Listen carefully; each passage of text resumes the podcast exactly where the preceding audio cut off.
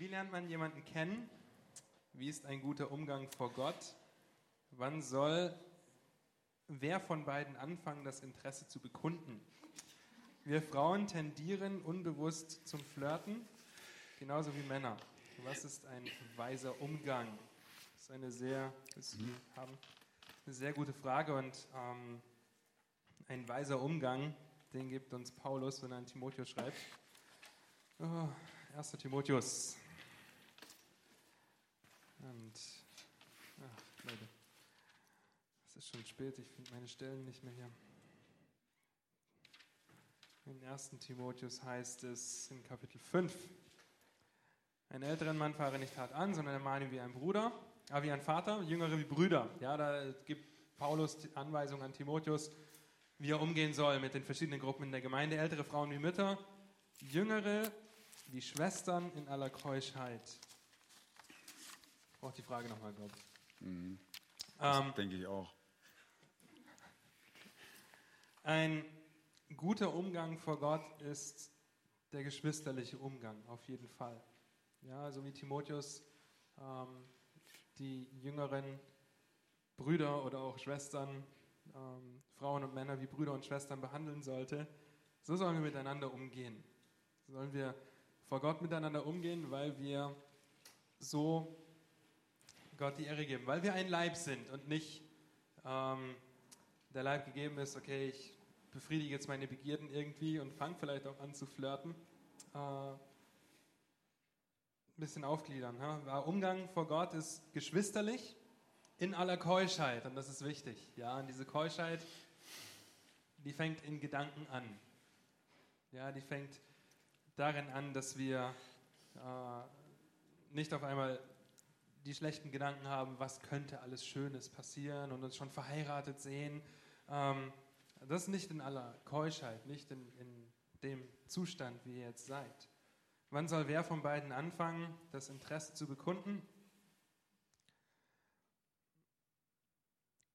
Da geht es ja schon ein bisschen weiter, dass man vielleicht mehr Zeit mit der Person verbracht hat oder bewusst in den Hauskreis geht, um einfach auch die Person besser kennenzulernen, das Gegenüber.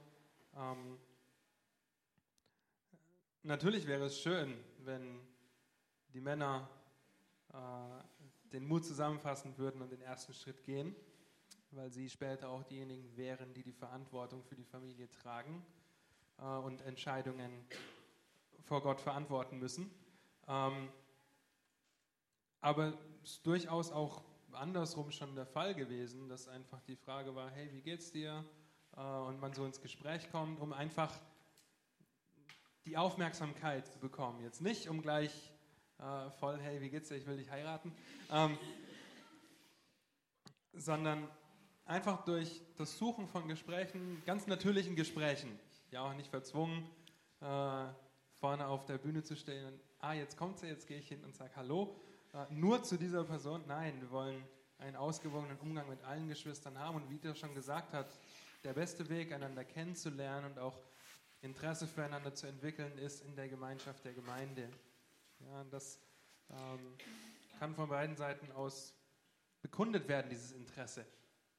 Ja, aber den Schritt, auch eine Beziehung einzugehen und auf die Ehe zuzusteuern, ich würde das schon eher der Verantwortung des Mannes zusprechen, ähm, weil Interesse bekunden geht dem Ganzen ja noch voraus. Ja, Interesse bekunden heißt ja, okay, lass uns einfach besser kennenlernen. Ich weiß noch, wie Miri und ich das gemacht haben. Wir haben das Ganze Beziehung im geschützten Rahmen genannt, äh, dass wir einfach gesagt haben, wir haben noch keine offizielle Beziehung, aber wir schreiben uns Briefe. Ich war zu dem Zeitpunkt in Amerika, das ist so lange her, dass Skype brandneu auf dem Markt war und man nicht wirklich äh, wusste, wie das funktioniert.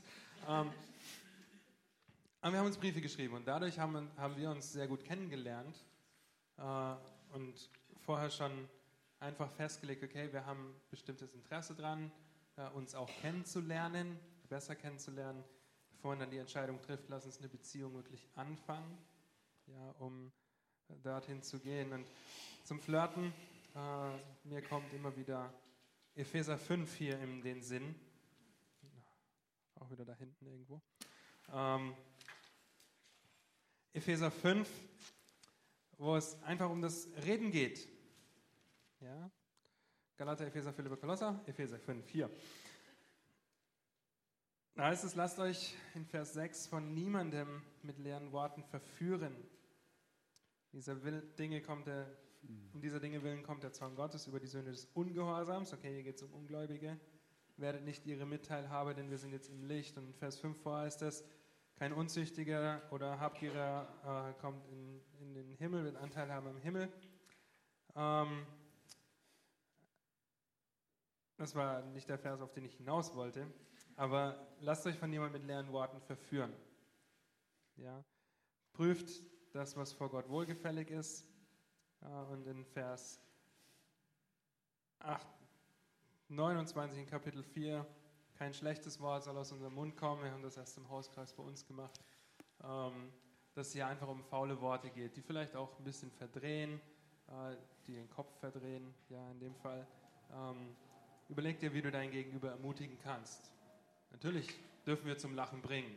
Ja, natürlich dürfen wir ähm, Humor den Tag legen. Aber lass uns darüber nachdenken, wie weit wir mit diesem Humor gehen. Ja, genau, also so viel von mir dazu. Ja, ich, ich glaube, wir brauchen einfach eine Generation mutiger Männer, die auch mal auf Frauen zugehen und ja, nachdem sie beobachtet haben, ich habe eine gottesfürchtige Frau, dass sie einfach auf sie zugehen und sich ihr annähern und äh, die, die fragen, die einfach sagen, kann ich, kann ich, darf ich dich kennenlernen? Und vorher Dinge geklärt haben, vielleicht vorher mit dem Pastor gesprochen haben oder so, vielleicht gibt ihnen ein guter Freund einen Tipp und sagt, nein, die steht überhaupt nicht auf dich oder so, das wird nie was. Aber eine Frau muss immer muss immer, wenn sie gefragt werden, ernsthaft darüber nachdenken, wenn ihr jemand einen Antrag stellt und sagt, ey, ich möchte dich kennenlernen, ich habe Interesse an dir. Das heißt ja noch nicht, dass sie gleich heiraten, aber das, du lässt dich nicht auf irgendetwas ein, wenn, wenn du dich heiraten willst. Es gibt nicht nur so einfach eine platonische, äh, irgendwo so eine Männer-Frauen-Freundschaft. Das, das gibt es einfach nicht. Das könnt, könnt euch der Weihnachtsmann erzählen, aber nicht, äh, nicht die Bibel. Und wir wissen, das ist immer auf Wachstum angelegt. Aber es braucht wirklich mutige Männer, die einfach auch sagen, jo, ich habe erkannt, das sind gottesfürchtige Frauen. Ich gehe auf die gottesfürchtige Frau zu und ich, ich frage sie, ob sie Interesse hat, mich kennenzulernen. Und, äh, und eine Frau kann das auch durch ihr Verhalten bekunden, dass sie dem nicht verschlossen ist. Das kann man, da muss man nicht gleich flirten, aber das kann man sehr deutlich auch machen, indem man freundlich Klar sollen wir allen freundlich sein, aber das, es gibt eine Art und Weise und man muss, das ist das Gespür, man muss Gespür dafür entwickeln. Ja. Sorry. Ich, ich sage euch nur, erstens, wir haben in unserer Gemeinde die besten Frauen, die es überhaupt gibt. Ihr Gäste seid die zweitbesten, also ihr seid auch nicht schlecht. Aber, und ich, ich verstehe einfach nicht, warum man unsere Frau nicht heiraten möchte manchmal. Und äh, ich verzweifle manchmal auch darüber. Äh, das motiviert mich auch immer, mich, mich wieder einzusetzen für Focus on Christ. Äh, aber ich, ich glaube, es braucht einfach starke Männer. Seit, weißt du, Josua wurde ins, in den Kampf geschickt Ihr Männer werdet in den Ehekampf geschickt. Und wir müssen stark und mutig sein. Wir müssen wirklich, nein, wirklich, das meine ich ganz ernst. Wir müssen stark und mutig sein, einfach vorangehen. Sonst werdet ihr am Ende eures Lebens, ihr könnt immer davon reden, ich will heiraten, ich will heiraten, ihr macht gar nichts, dann passiert nichts. Einfach mutig zu sein und sagen, im Herrn und Vertrauen dir gegenüber gehe ich auf diese Frau zu, ich kann mir das vorstellen. Und dann gibt es ein Gegenüber. Man muss die auch fragen. Okay, das ist übrigens auch äh, Rebecca wurde auch gefragt, willst du mitgehen? Ja, das, das, war nicht so einfach so, so eine Vermittlung. Und Rebecca wurde auch gefragt, willst du mitgehen und den Isaak heiraten? Und sie hat eingewilligt. Okay? Ist nicht irgendwie, wir fragen die Frauen nicht mehr, die müssen jetzt einfach folgen. Äh, komm in meine Nachfolge und dann ist gut. Äh, nein, das, das, meine ich ganz ernst. Ist, ich glaube, das, das braucht so eine Generation von Männern, die aufwachsen und auch gottesfürchtig sind. Okay? Hier ist eine Frage angesichts der steigenden Homosexualität und auch Kämpfe damit in der Gemeinde sollten Singles in gleichgeschlechtlichen Freundschaften, WGs, bestimmte Vorsichtsmaßnahmen treffen. Sam? Das ist gut. Ähm, ich habe auch eine. Ja, in Anbetracht des Kampfes, und ich glaube nicht, dass der Kampf der Homosexualität eine neumodische Erscheinung ist. Ja, das Gesetz spricht schon davon, ja, wo Gott sagt, ihr sollt nicht Mann mit Mann gegeneinander entbrennen. Römer 1 spricht davon, aber es ist äh, schon länger, es gibt nichts Neues unter der Sonne. Das heißt, der Kampf mit Homosexualität ist schon länger da äh, und den kämpfen auch einige. Ja, es ist auch, auch gläubige Menschen fühlen sich vielleicht hingezogen zum gleichen Geschlecht. Aber das sind wieder die Emotionen, die da durchkommen. Sollten wir Vorkehrungen und Vorsichtsmaßnahmen treffen, in jedem Bereich sollten wir das tun, also auch in diesem Bereich. Ja, wir sollen immer ähm, auf der Hut sein, weil der, der Satan geht umher wie ein brüllender Löwe, habe ich vorhin schon gesagt. Und er setzt alles ein, um zu zerstören. Alles. Das kann Homosexualität sein, das kann ähm, Pädophilie sein, das kann ihr sucht es euch aus. Es können Krankheiten sein, ja, es können andere sexuelle Verdrehungen sein. Er sucht sich alles dafür aus und wir sollten immer auf der Hut sein. Ähm, natürlich können wir uns vorbereiten, äh, natürlich können wir das tun, aber diese ganze Debatte, die jetzt auch gerade in der Regierung diskutiert wurde und Ehe für alle wurde legalisiert, ähm, was das Ganze natürlich nochmal auf keimen lässt und näher Gedanken dazu, uns näher Gedanken dazu machen lässt. Wir müssen auf der Hut sein, aber es sollte uns nicht lähmen, in eine WG zu ziehen zum Beispiel. Ja? Ähm, weil uns diese geistliche Gemeinschaft auch helfen kann. Wenn da ein Kampf da ist, dann äh, musst du dir die Hilfe wiederum in der Gemeinde suchen. Ich sage nicht, du stehst auf die Kanzel und sagst, ich kämpfe mit Homosexualität, aber du suchst dir idealerweise einen Ältesten, ja, der daran arbeitet mit dir. Ja, und als Frau vielleicht die Frau eines Ältesten und den Ältesten gemeinsam. Ähm, der Kampf ist real, so wie jeder andere geistliche Kampf da ist. Äh, und wir sollten uns davor hüten, sollten uns davor schützen, aber nicht zu dem Grad, dass wir uns völlig abschotten. Ja, weil das würde auch wieder dem widersprechen, zu was Gottes Wort uns aufführt. Wir sollen nicht in Angst leben. Oh, wenn ich jetzt in eine WG ziehe, dann äh, ziehe ich vielleicht eventuell mit einer Person zusammen, die homosexuelle Neigung hat oder oh, ich habe Angst, vielleicht könnte ich selber solche Neigungen entwickeln.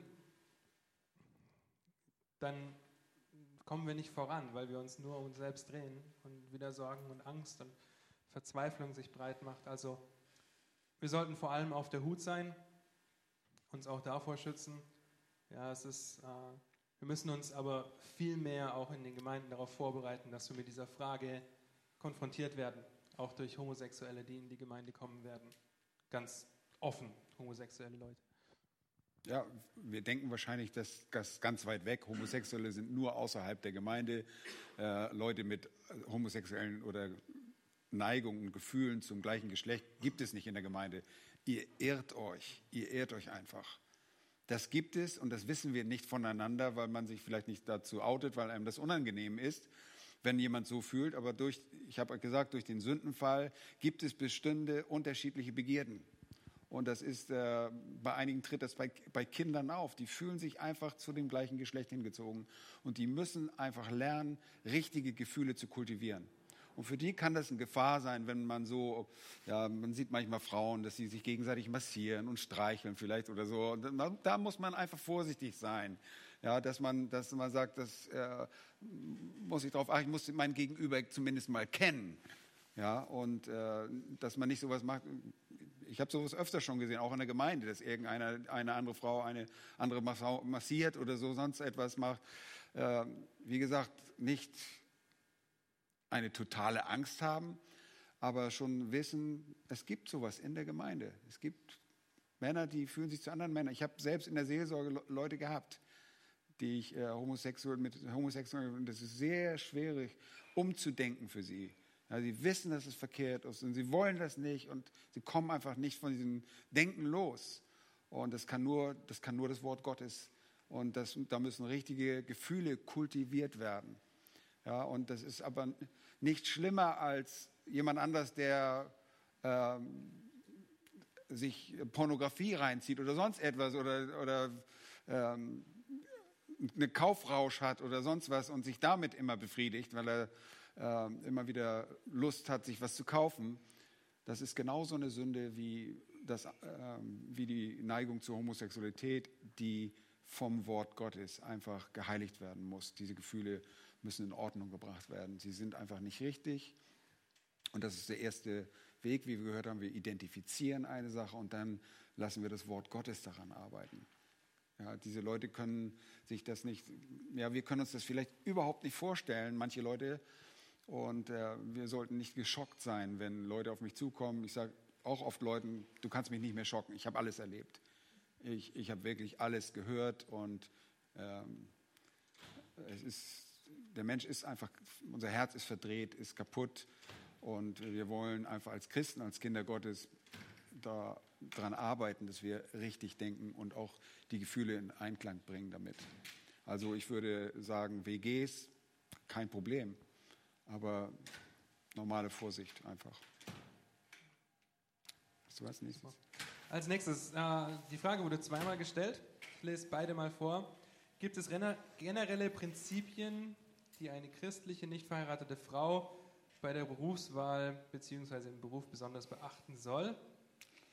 Und etwas anders, doch etwas anders. Gibt es aus biblischer Sicht Einschränkungen in der beruflichen Karriere einer Frau, zum Beispiel Führungspositionen in einem Team von Männern und Frauen? Gibt es generelle Prinzipien äh, für die Berufswahl?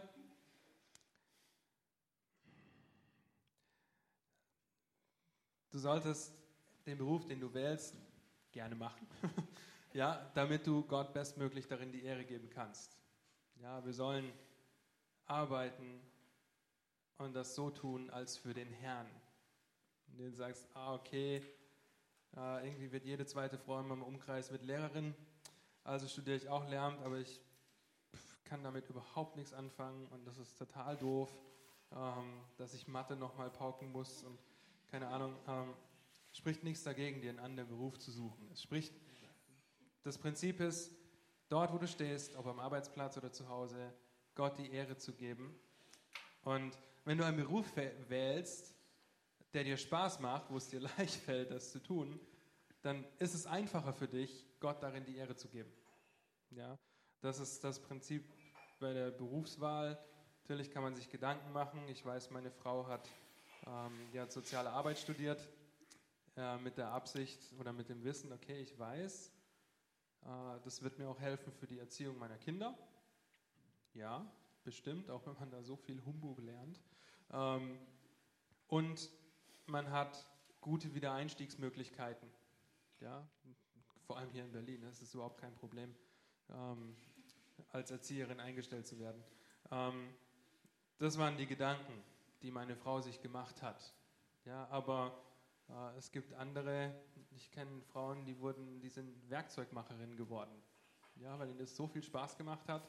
Die haben Maschinenbau studiert, weil ihnen das einfach so viel Spaß macht und das ist wunderbar. Aber wir sind nicht eingeschränkt darin.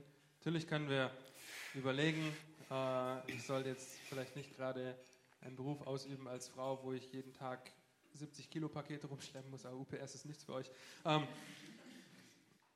aber es sind einfach Dinge, die ihr bedenken könnt, aber wenn die Arbeit einem Spaß macht, fällt es einem auch leichter, Gott darin die Ehre zu geben.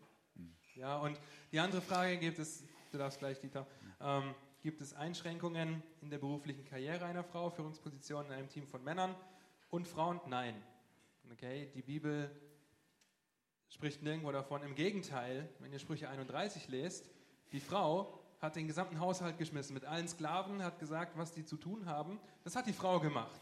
Ja, die, hat quasi, die war quasi die Führungsposition eines äh, Familienunternehmens. Ähm, es sei denn, es geht natürlich in die Gemeinde. Ja, wir wissen, Paulus warnt davor und verbietet es, äh, Frauen in der Gemeinde lehren. 1. Timotheus ist das. Ähm, da, das sollte sie nicht machen. Ja, und wenn ihr Gottes Wort studiert lest, dann werdet ihr es auch nicht anstreben, Pastorin zu werden. Ähm, wobei das heute leider auch sehr häufig der Fall ist. Aber im Beruf selbst gibt es keine. Die Frage ist allerdings, gibt es aus biblischer Sicht Einschränkungen in der beruflichen Karriere einer Frau? Da steht nicht einer alleinstehenden Frau, sondern einer Frau. Eine verheiratete Frau gibt es schon, ja. würde ich sagen, Einschränkungen. Wenn Kinder zu Hause sind, ist euer Platz zu Hause. Die Bibel lehrt das, äh, dass äh, eure erste Priorität euer Haushalt ist und nicht die berufliche Karriere. Ähm, ihr könnt sagen, es gibt so viele Kindergärten und so viele Horts, da kann ich dann mein Kind unterbringen und ich kann das am Wochenende wieder abholen. Äh, so war das. das Wir haben jemanden bei uns im Hauskreis, der wurde montags abgegeben und freitags wieder abgeholt. Seine Mutter ging der Arbeit nach. Und die Leute verstehen auch nichts von Familie, wenn sie das nicht gelernt haben. Das ist einfach so. Das müssen sie dann schwer lernen. Und Gott hat gesagt, der Platz einer Ehefrau mit Kindern ist zu Hause, mit Kleinkindern ist zu Hause. Das heißt nicht, dass sie nicht ein paar Sachen machen darf und Geld verdienen kann irgendwo, aber sie muss die Priorität zu Hause wahren. Okay? Eine alleinstehende Frau ist eigentlich nicht begrenzt in dem, was sie machen kann. Sie darf auch Autorität über einen Mann ausüben, weil es nicht die Gemeinde ist. Aber es ist oftmals auch die Frage der Weisheit. Manchmal werden Frauen an Positionen gestellt, wo sie einfach top notch aussehen müssen, hochmodern, Fashion. Die, die, und die Männer gieren und gaffen sie den ganzen Tag an. Und ich kann es einfach nur sagen, das ist kein guter Platz für euch. Ja, da werdet ihr angemacht, da werden, wird euch äh, alles Mögliche, da gibt es so viele schreckliche Sachen, die zurzeit passieren. Das ist wirklich auch ein Thema auch in unserer Gesellschaft, dass Frauen einfach sexuell überall bedrängt werden. Ja, und das ist kein Wunder, weil die Leute sich alles äh, Mögliche in den Kopf packen und ihr seid dann das Opfer. Wenn ihr unser, in so einer Position arbeitet, dann werdet ihr einfach nur angemacht. Finde ich einfach nicht weise dann in dem Fall. Verbieten kann man das nicht. Ich, ich glaube, das ist eine Frage der Weisheit. Okay, was war das andere noch? Das habe ich beantwortet. Ne? Das war das. Okay. Ich lese die Frage vor, Dieter. Okay, das ist besser. Ich kann nicht lesen. Antwort A, B oder C. Nein. Ähm, wie gehe ich damit um, wenn ich Gefühle für einen Glaubensbruder habe und er diese nicht erwidert? Ich würde dieser Person gerne fernbleiben, aber nicht der Gemeinschaft. Ja. Es ist generell zwischen Gefühlen und Gefühlen gibt es natürlich einen Unterschied. Man, es ist immer ratsam, besonders als Frau, man verliert sich sehr, sehr schnell und denkt sofort im Nachnamen des potenziellen Ehepartners da braucht ihr gar nicht lachen, das ist einfach so. Das habe ich schon oft gehört, dass es ganz schnell geht. Äh, man, man, darf sich, man muss sich vornehmen, sich nicht auf Gefühle einzulassen. Man muss einfach sagen, nein, ich gehe diesen Weg nicht. Ich mache mir noch keine Hoffnung, wenn ich keinen Grund zur Hoffnung habe. Sonst macht ihr euch nur verrückt. Macht ihr nur verrückt. wenn es Gefühle gibt, ja, du darfst ihn auch nett finden, das ist in Ordnung, das ist auch ein Gefühl. Aber lasst euch nicht weiter darauf ein, denkt nicht weiter, diszipliniert eure Gedanken, sagt, nein, ich habe keinen Grund, mir irgendetwas einzubilden, solange diese Person nicht irgendwelche Unternehmung macht mir gegenüber. Sonst ist das einfach nur eine Achterbahnfahrt der Gefühle, die ihr als Frauen durchmacht. Es geht ein hoch und runter. Ich habe vier Töchter, ja, und, äh, und die, die müssen es die müssen es lernen. Die müssen lernen zu sagen, nein, ich darf nicht mich auf irgendwas einlassen, wenn es gibt gar keinen Grund dazu, mich auf irgendjemand einzulassen. Äh, ich glaube, das ist meines Erachtens der beste Rat und äh, nicht die Gefühle, den Gefühlen Raum zu geben, bevor es Zeit ist, den Gefühlen Raum zu geben. Erkennst es bitte. Du hast vielleicht noch was Besseres. Du hast auch zwei Töchter. Zwei, zwei, und sechs Monate. Ja. Eine macht noch in die Windel. beide machen noch in die Windel. Oh, mach mal beide. Um, ähm, die eine wird ganz sauber, egal. Ähm, ich kann dem Ergänzenden zustimmen, aber es sollte euch auch nicht den Grund geben, der Gemeinde fernzubleiben. Ja, die Gemeinde besteht ja. hoffentlich nicht nur aus deinem Pastor, deinem Glaubensbruder und dir. Ähm, Gemeindegründungsarbeit vielleicht. Wer weiß. Um, Nein, was ich damit sagen will, natürlich ist es hilfreich, wenn man die Gefühle unter Kontrolle bringen möchte, wenn man ein bisschen Abstand hat zu dieser Person. Aber das kann sich in einer Gemeinde durch unterschiedliche Dinge zeigen oder zum Ausdruck kommen, dass ich zum Beispiel sage, okay, ich besuche mal einen anderen Hauskreis, wenn ihr in einem Hauskreis seid. Ja, ihr, ihr müsst ja nicht sagen, äh, ich habe Gefühle für ihn, deswegen wechsle ich den Hauskreis, weil er die nicht erwidert. Nein, das muss ja überhaupt nicht, nicht da stehen. Aber der Hauskreisleiter kann das vielleicht wissen, wenn du ihm vertraust. Ja, dann äh, kann das er wissen und er kann dann ähm, auch behutsam sagen, dass du den Hauskreis wechselst, ist gar kein Problem. Und es gibt so viele Möglichkeiten, ähm, auch in der Gemeinde, dem fern zu bleiben, indem du dich zum Beispiel in die Kinder der Gemeinde investierst. Ja, indem du Sonntagszeit mit den Kindern verbringst oder ähm, dich mit, mit Schwestern ähm, unterhältst und zusammensetzt und Interessen auch oder auch fragst, wie es Ehepaaren geht, wo du für sie beten kannst. Also es gibt sehr viele Möglichkeiten innerhalb der Gemeinschaft der Gemeinde ähm, auch einen gewissen Abstand zu wahren. Ja, äh, das ist nur meine Ergänzung dazu. Ähm, aber deshalb der Gemeinde fernzubleiben, ist dann die Motivation wieder die, die Hintergrundfrage. Will ich in meinen Gefühlen nicht verletzt werden und komme deshalb nicht, ähm, weil die da nicht erwidert werden? Äh, dann ist natürlich der, der Gedanke, okay, ich habe so viel Menschenfurcht, so viel Angst davor, dass ich da verletzt werde, dass ich bereit bin, die Gemeinschaft der Gemeinde zu vernachlässigen. Und das ist sehr, sehr gefährlich. Und da sehen wir, wie unsere Emotionen uns zum Handeln bewegen. Und wenn die Emotionen falsch in die falsche Richtung gehen, dann werden wir auch falsch handeln.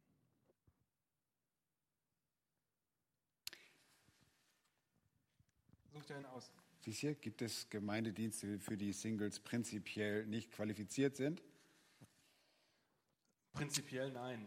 Also für eine Frau zu lehren von der Kanzel, ja, aber das ist hat nichts mit Single, hat nichts mit Single zu tun. Okay, ihr könnt verheiratet sein oder nicht. Ihr, bei uns in der Gemeinde werdet ihr als Frauen nicht auf die Kanzel kommen, ähm, um zu lehren. Ähm, ja, das ist Ihr Frauen, ihr wisst nicht, was das für ein Segen ist, dass ihr nicht die Verantwortung für eine Gemeinde tragen müsst. ja, oder nicht äh, auf der Kanzel steht. Das ist, das ist viel Arbeit und das muss äh, gewissenhafte Arbeit sein. Nicht, dass Frauen das nicht können. Ja, ihr könnt Frauenstunden unterrichten, Kinderstunden. Aber prinzipiell gibt es keinen Bereich, wo ein Single nicht in der Gemeinde dienen kann. Es sei denn, es widerspricht sich mit Gottes Wort, natürlich. Aber ein Single kann ein Eheseminar halten. Ja, weil nicht meine persönliche Erfahrung ausschlaggebend ist für das, was ich euch an Rat mitgebe, sondern Gottes Wort. Ein Single kann Erziehungsratschläge geben, die auf Gottes Wort aufbauen. Natürlich ist das manchmal vielleicht nicht so ganz äh, mit der Realität verknüpft, ja, weil dann doch wieder die Erfahrung fehlt, aber prinzipiell Natürlich kann ich als Alleinstehender, als Alleinstehende Gottes Wort zur Hand nehmen und es anwenden. Ja, wie wir auch vorhin gesagt haben, ich muss nicht zum Alkoholiker werden, um einem Alkoholabhängigen zu helfen. Ja, und so gibt es prinzipiell für Singles keinen kein Gemeindedienst, den sie nicht machen können. Ja, es gibt äh, Gemeindeleiter, die Single sind. Mike Leister, ein, viele von euch kennen Mike. Ja, er ist alleinstehender Mann, der Pastor einer Gemeinde ist. Und das ist, ähm, ja. Ja, es hat mehr mit dem Geschlecht zu tun. Das ist einfach auch in, meinetwegen auch bei diakonischen Pflegediensten, wenn Gemeinde so weit geht, dass sie sich um bestimmte Leute kümmern in der Pflege, dann sollte es immer nur so sein, dass ein Mann einen Mann betreut in erster Linie und eine Frau sollte eine Frau, wenn es zum Beispiel da geht, Kranke zu pflegen, zu waschen, dann sollte es eine Frau machen. Ähm, aber das hat nichts mit dem Single-Sein zu tun. Das hat einfach nur mit dem Geschlecht zu tun. Ich glaube nicht, dass die Arbeit. Es ist sogar, Singles können auch äh, Ehepaaren Ratschläge geben und sagen, die Bibel sagt so und so. Und dann sollen sich die Paare nicht echauffieren und sagen, oh, du hast mir gar nichts zu sagen, du bist ja nicht verheiratet. Ja, dann hätte Paulus überhaupt nichts mehr sagen sollen. Äh, also der ich hat viel würde, über die Ehe gesprochen. Der hat sehr viel über die Ehe gesprochen, das, das sage ich, ja. Also ich würde jetzt auch sagen, nicht, dass es nicht der Fall ist. Oder sieht jemand das anders? Wir sind ja nicht die Einzigen, die hier die Bibel lesen, oder? Okay. Das ist, kannst du lesen, glaube ich. Ich probiere es.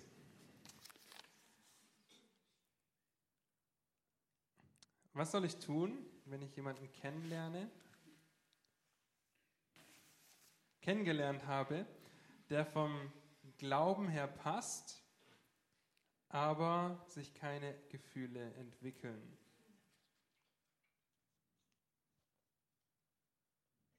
Ja, das, das geht ja in die ähnliche Richtung, wie wir gesagt haben. Das ist immer eine individuelle Sache. Gott geht interessante Wege, manchmal, wie sich Leute kennenlernen.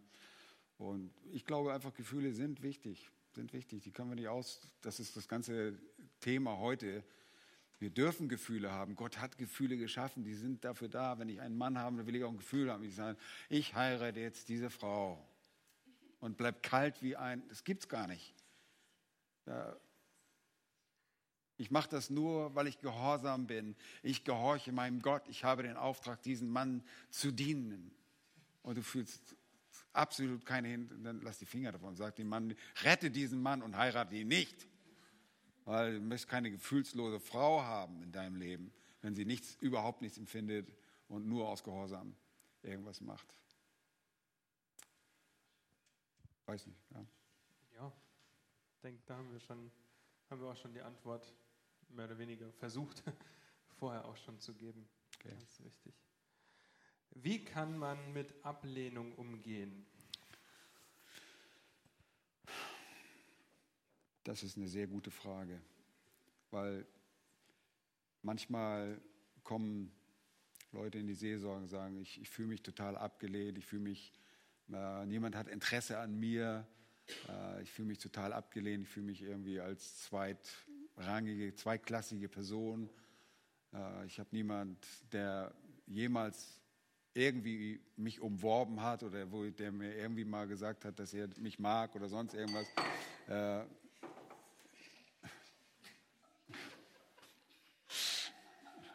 Guckt euch die Leute gut an, die ihr heiratet.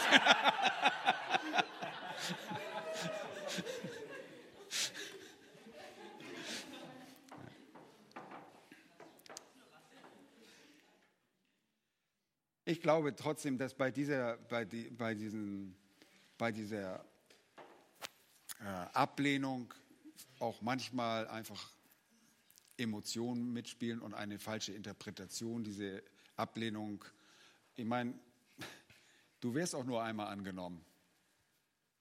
Ja, und dann heiratest du. Oder? Ich meine, sei froh, dass nicht. Äh,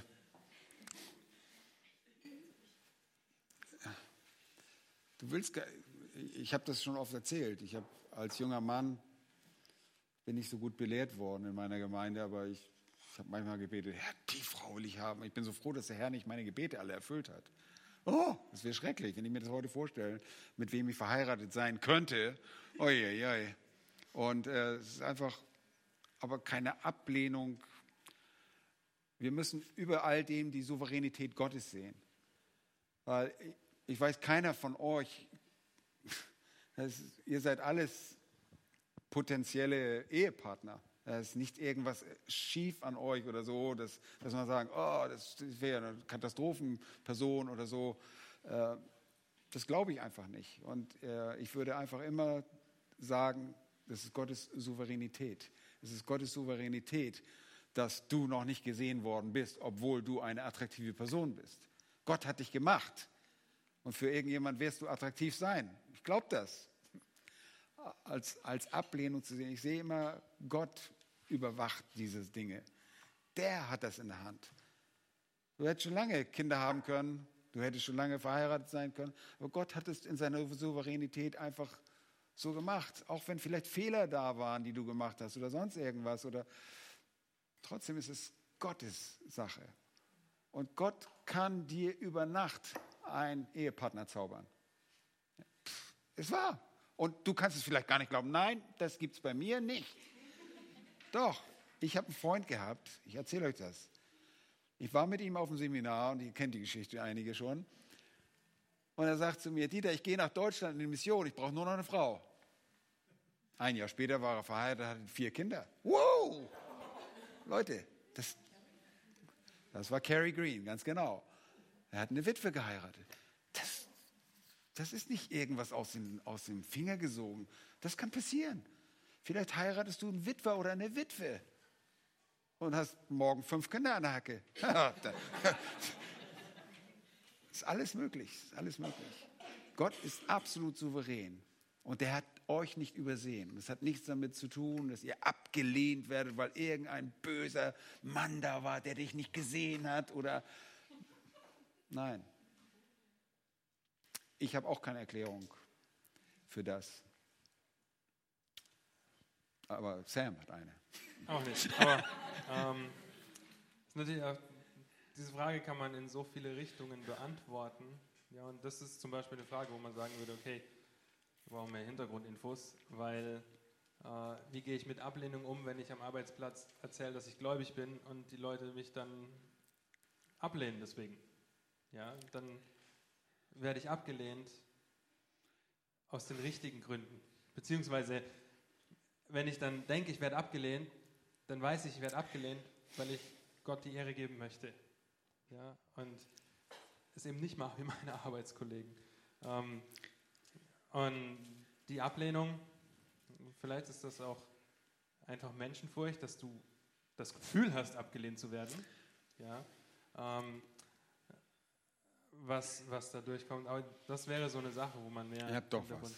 Ja, Dieter hat was, das ist gut. Das ist gut. Natürlich ist, ich weiß von Männern, die sind auf Frauen zugegangen und die, haben, die Frauen haben einfach gesagt, nein. Okay? Und manchmal kann ich den Mann beglückwünschen, dass die Frau Nein gesagt hat. Das gibt es ja auch. Es sind ja nicht alle Frauen, die wirklich so weit sind. Auf der anderen Seite muss man immer selbst reflektieren. Ich habe manchmal den Eindruck, dass Männer sich das ein bisschen einfach machen. Ich glaube, man muss auch was für sich tun. Ja, ich habe den Eindruck, ich, ich, ich, rede jetzt nicht von unseren Leuten in der Gemeinde, aber das, manchmal kommen ungepflegte Männer daher und die denken, die können jede Frau haben, wenn sie nur wollen. Da ist keine Körperpflege da, die stinken drei Meilen gegen Wind. Entschuldigung, das ist aber wirklich so wahr. Da ist keine Körperpflege da, die stinken einfach von vornherein und man kann sich keiner Frau nahen. Und dann wundern sie sich, warum sie abgelehnt werden. Sie sind einfach naiv, die leben einfach so am Leben vorbei. Das ist wahr. Müsst, man muss was für sich tun. Man muss, man muss auch zeigen, dass man Interesse hat und sich schön machen. Du darfst auch nach Parfüm riechen, das darf man ja.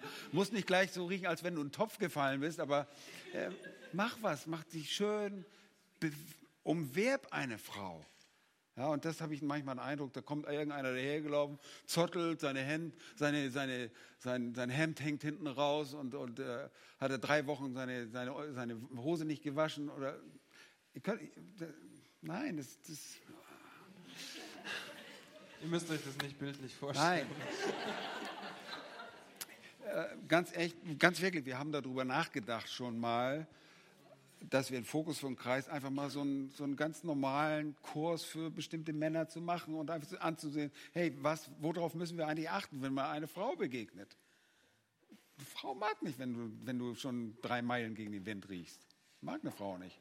Es sei denn, sie hat irgendwie Verstopfung in der Nase oder so.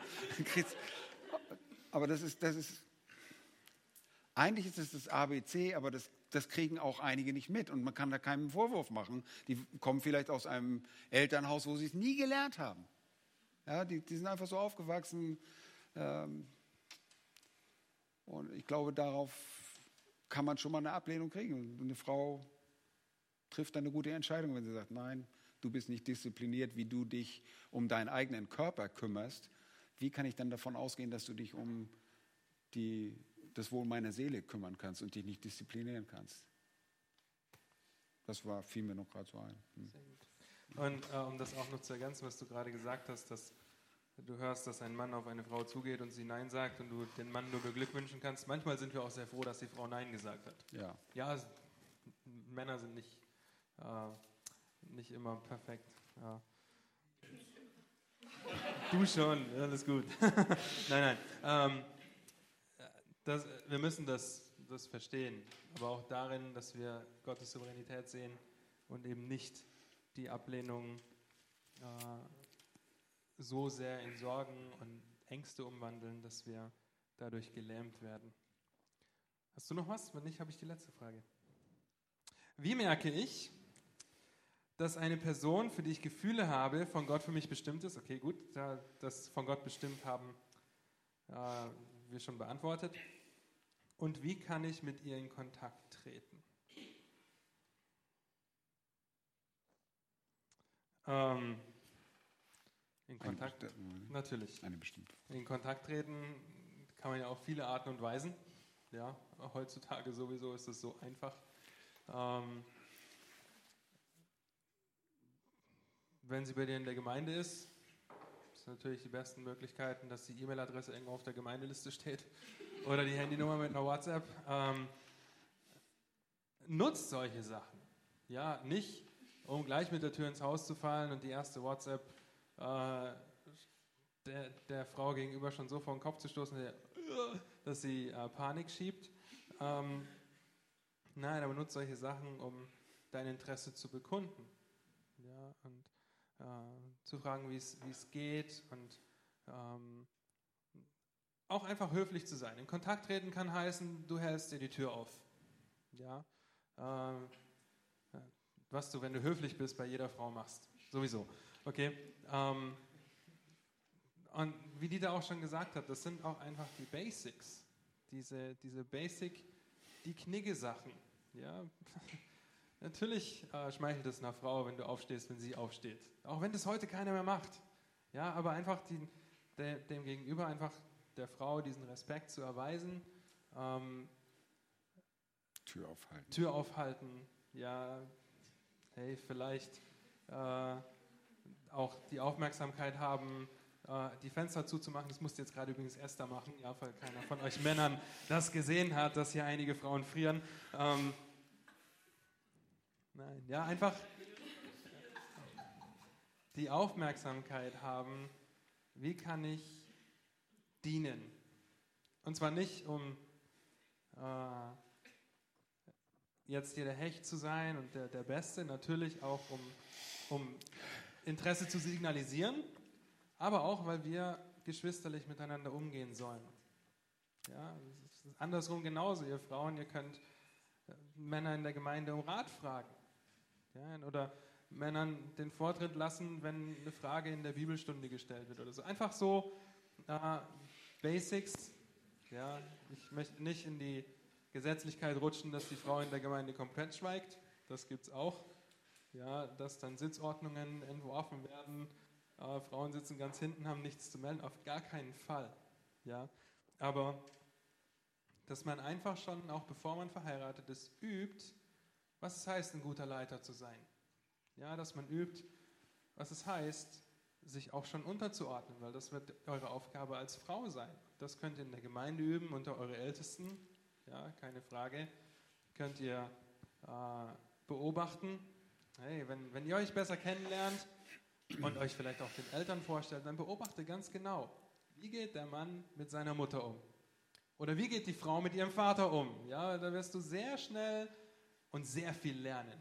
Ja, aber in Kontakt treten, durch Höflichkeit, durch WhatsApp, durch Nachfragen ähm, und dann natürlich auch durch den Schritt, hey, ich würde dich gerne besser kennenlernen als dieses Wie geht's dir? Ja?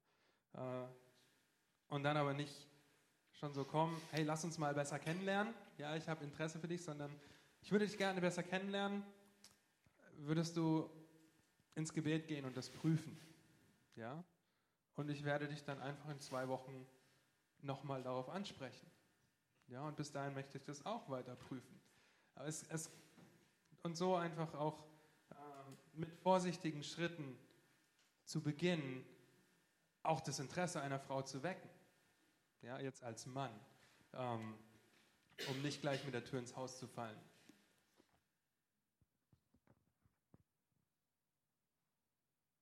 Ja, es macht Spaß, ne? Ist ja so, ich muss gerade daran denken, in der Eheseelsorge ist es einfach so ganz häufig, dass wir merken, wenn eine Liebe erkaltet, ist es einfach so, dass wir das nicht fortgesetzt haben, was wir als Verliebte, Unverheiratete getan haben. Wir haben die Tür aufgehalten, wir haben uns fast alles ausgerissen, um ja dieser Frau über den Weg zu laufen und äh, versucht, da zu sein, wo sie ist und gut auszusehen. Und, und dann ist man verheiratet, hat die Katze im Sack und dann hört es auf und man öffnet nicht mehr die Tür, man äh, macht alle möglichen blöden Sachen und wundert sich, dass die Liebe irgendwie erkaltet. Das ist wirklich wahr. Das kann ich bezeugen, dass man daran ständig arbeiten muss. Das ist nicht kein Selbstläufer. Aber das ist etwas, wo man mit anfangen kann. Man kann dem anderen Ehrerbietung bringen, äh, wenn man be jemanden bekundet, dass man ihn mag, dass man ihm gegenüber sanftmütig und äh, freundlich ist. Äh, ich glaube, mich hätte jede Frau mit einer Sanftmut einfangen können. Einfach sanftmütig und demütig und hören. Nicht einer, die ständig nur rumplappert und redet und redet und redet und du kriegst kein Wort in die rein, weil sie immer nur redet, sondern die einfach mal zuhören kann und sich belehren lässt. Das ist, das ist sehr attraktiv bei einer Frau, äh, das zu erleben. Ja, und beim Mann, ich weiß es, Frauen wünschen sich, dass ein Mann vorausgeht und sagt, das ist der Weg, hier gehen wir hin.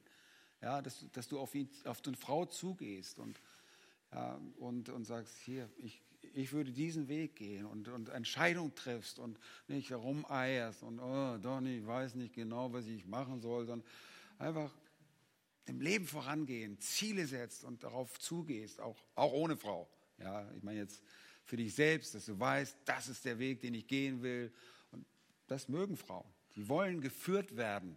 Frauen wollen geführt werden. Die wollen nicht irgend so einen Weichling haben, so einen Warmduscher, der irgendwie nur. Und dann müssen die Frauen selber alles entscheiden. Das, das kann eine Frau überhaupt nicht gebrauchen. Eine Frau liebt es, geliebt zu werden und geführt zu werden. Und äh, das kann man demonstrieren, schon wenn man unverheiratet ist. Und zwar nicht auf eine Macho-Art und Weise. Nein. Ja, nein. sondern auf eine liebevolle Art und Weise, Ja. die auch die, die Interessen der Frau berücksichtigt. Ja, wenn ich weiß, meine Frau mag gerne Herzchen, wer bei uns zu Hause war und Oh. versucht hat, die mal alle zu zählen, äh, der ist spätestens nach 400 Stück gescheitert. Ähm, nein. Äh, ja, wenn man die Bettwäsche mitzählt. Äh, oder die, die, die, die. Ja, ich muss mich irgendwie rausreden. Es wird nicht gestreamt. Okay.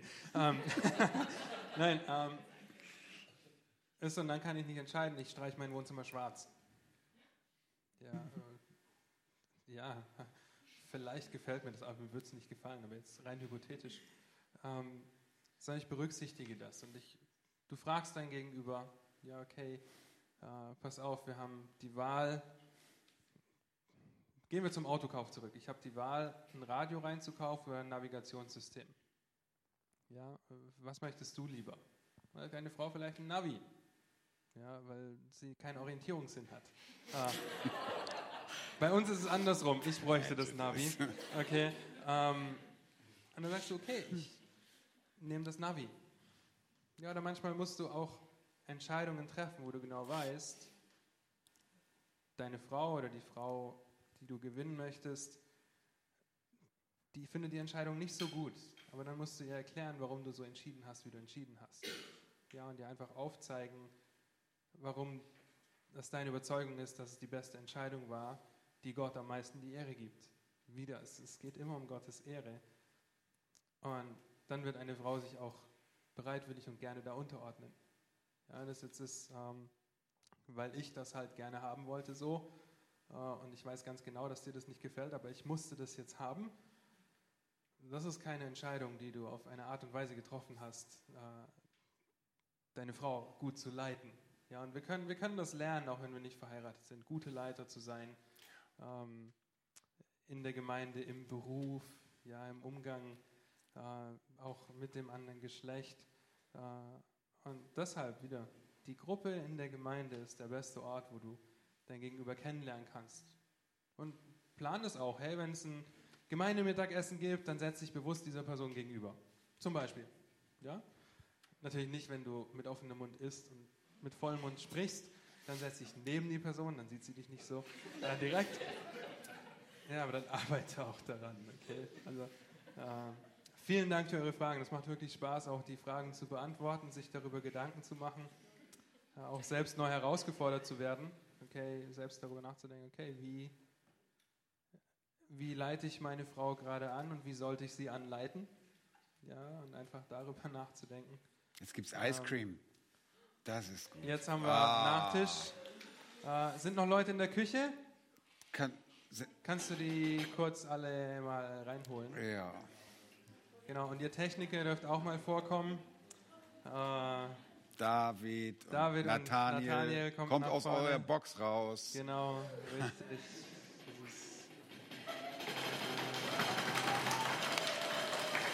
Vielen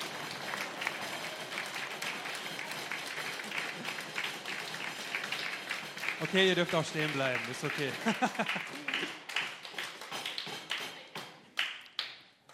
so, und hier ist nur, ein Moment, ist nur eine Auswahl an Küchenhelfern. Ja, es wurde den ganzen Tag durchrotiert.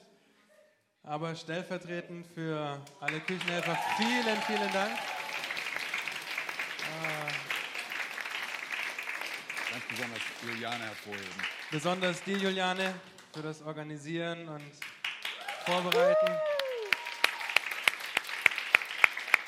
Äh, wir wurden wirklich bestens versorgt. Ja, dafür sind wir sehr dankbar. Auch euch Techniker, dass alles so reibungslos geklappt hat. Es ist wunderbar, wie ihr uns gedient habt heute. Vielen, vielen Dank dafür. Und der Herr möge euch reichlich segnen dafür. Dankeschön. Ja, es ist einfach schön, diesen Tag auch mit euch verbracht zu haben. Ja, wir haben jetzt noch Zeit, um Gemeinschaft zu haben. Äh, und Wladimir, dem übergebe ich gleich das Mikrofon. Aber vielleicht zum Abschluss, Dieter, betest du noch mit uns und dann Latzki. Himmlischer Vater, wir sind dir von Herzen dankbar, dass du uns nicht unseren verdrehten, verletzten, komischen Gefühlen überlassen hast. Dass wir nicht nur in einer Gefühlswelt herumtreiben in dieser Welt, sondern dass du dich uns geoffenbart hast, uns, uns Wahrheit gegeben hast, an der wir uns orientieren können, damit wir dir ein würdiges Wandel, ein Leben wandeln und ein gehorsames Herz haben. Das bitten wir, dass wir das tun. Herr, du kennst auch unsere Schwächen, unsere Versagen, unsere Sünde. Danke, dass du dafür gestorben bist, dass wir immer wieder auch Reinigung finden, dass wir vor dein Angesicht treten können dass du, Herr Jesus Christus, den Zugang zum Thron freigemacht hast, dass wir einen himmlischen Vater haben, der sich um uns kümmert, der uns versorgt mit allem, was wir brauchen. Wir glauben einfach, dass du auch in unserem Leben souverän bist. Und wir haben auch gehört, dass du alles tust, was dir wohlgefällig ist. Herr, du bist in der Lage, uns zu führen und zu leiten, uns durch dieses Leben zu bringen, dass wir ein Leben führen können, das dir wohlgefällig ist, ob wir alleine sind oder ob wir verheiratet sind. Herr, du bist in der Lage, unsere tiefsten inneren Wünsche zu befriedigen. Du allein bist die Antwort auf alle unsere Fragen. Wir vertrauen dir und wollen dir neu vertrauen. Herr, wir sind manchmal geneigt, von dir wegzu driften, weil wir irgendwelchen eigenen Vorstellungen und Ideen nachlaufen, getrieben von Gefühlen, die uns durcheinander gebracht haben. Herr, wir wollen uns besinnen auf die Wahrheit und anhand der Wahrheit neue, heilige Gefühle und Emotionen kultivieren, die uns unterstützen werden, dir noch mehr von ganzem Herzen, mit unserer ganzen Kraft, mit unserem ganzen Denken dir zu dienen. Das wollen wir tun.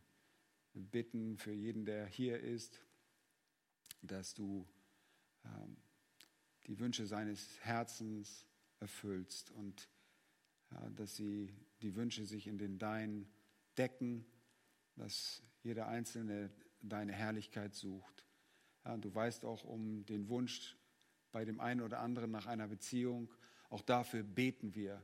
Ja, wir beten für gottesfürchtige Männer und für gottesfürchtige Frauen, die für dich leben wollen und die das auch wollen, um heilige und dir wohlgefällige Familien zu gründen, um so auch deinem Auftrag nachzukommen. Ja, du hast niemals gesagt, dass es ein Ende hat, dass sich Mann und Frau nicht mehr vermehren sollen, sondern du hast Wohlgefallen an Familien. Aber wir wissen auch, dass du Wohlgefallen hast an der einzelnen Person und dass du auch denjenigen, die, denen du die Gabe gegeben hast, ein gutes Leben schenkst. Herr, besonders hm, angesichts der Tatsache, dass wir nichts anderes verdient haben als die ewige Hölle. Alles, was du uns gegeben hast, ist so viel mehr, als wir verdient haben. Und dafür geben wir dir die Ehre. Danken dir einfach für diesen Tag. Gib uns noch eine gute Zeit der Gemeinschaft jetzt. Danken dir auch für alle, die gedient haben, für die Küche und auch für unsere Techniker. Danke für jeden Einzelnen, den du gebraucht hast. Wir danken dir für das Band der Liebe, das uns zusammenhält, für den Geist, der uns in uns wohnt und uns innige Gemeinschaft ermöglicht und geschenkt hat. Wir danken dir, denn dir allein gebührt alle Ehre. Wir loben und preisen dich und lieben dich in Jesu Namen. Amen.